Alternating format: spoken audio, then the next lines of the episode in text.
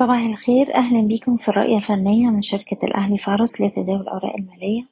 أربعة مارس ألفين أربعة وعشرين. في جلسة امبارح المؤشر قفل على ارتفاع طفيف حوالي ربع في المية عند مستوى تسعة وعشرين ألف تمانية وخمسين نقطة وأحجام التداول امبارح كانت منخفضة. مازال المؤشر بيتداول في نفس النطاق على مدار آخر أربع جلسات أعلى مستوى الدعم التمانية وعشرين ألف تلتمية وخمسين. لكنه في نفس الوقت القوى الشرائية مش قادرة تتجاوز مستوى المقاومة التسعة وعشرين ألف ستمية وستين. وبالتالي على الأجل القصير ممكن نرفع مستوى حماية الأرباح لمستوى تمانية وعشرين ألف تلتمية وخمسين ومستوى الدعم الأهم عند السبعة وعشرين ألف ومية وده مستوى إيقاف الخسائر على الأجل القصير. ونبقي على رؤيتنا بأن أي محاولة للارتداد في الوقت الحالي هي فرص لتخفيض المراكز وغلق مراكز الشراء من الهامش ما القوى الشرائية تقدر تتجاوز مستوى المقاومة تسعة وعشرين ألف ستمية وستين وفي الحالة دي نقدر نستهدف القمة الأخيرة اللي سجلناها عند التلاتين ألف وسبعمية نقطة.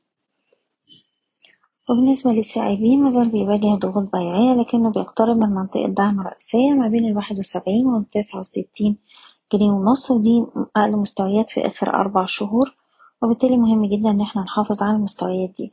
أقرب مستوى مقاومة هيكون حوالين اتنين وسبعين ونص ولو قدرنا نتجاوزه لأعلى مستوى المقاومة التالي هيكون حوالين الستة وسبعين جنيه.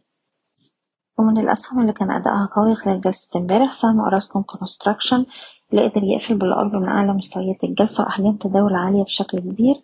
والسهم عنده دعم دلوقتي عند ميتين وتمانين جنيه وده أقل مستوى في آخر تلات جلسات. طول ما إحنا محافظين على المستوى ده مزلينا مستهدفات عند التلتمية وستين ويلي مستوى التلتمية وتمانين جنيه. سهم فوري بيتحرك في حركة عرضية على مدار آخر تلات جلسات لكنه مازال ليه مستهدفات عند مستويات التمانية والتمانية ونص ونقدر نرفع مستوى حماية الأرباح لأقرب دعم عند السبعة جنيه وخمس قروش. وأخيرا سهم e-finance اللي صعد امبارح بقوة بأحجام تداول عالية وقفل عند أعلى مستويات الجلسة عند الخمسة وعشرين جنيه. شايفين السهم مازال بيستهدف مستوى السبعة وعشرين والتلاتين جنيه وأقرب دعم جلسة اليوم هيكون حوالين التلاتة وعشرين ونقدر نرفع حماية الأرباح لأقل مستوى اتسجل في جلسة امبارح عند الواحد وعشرين عشرين.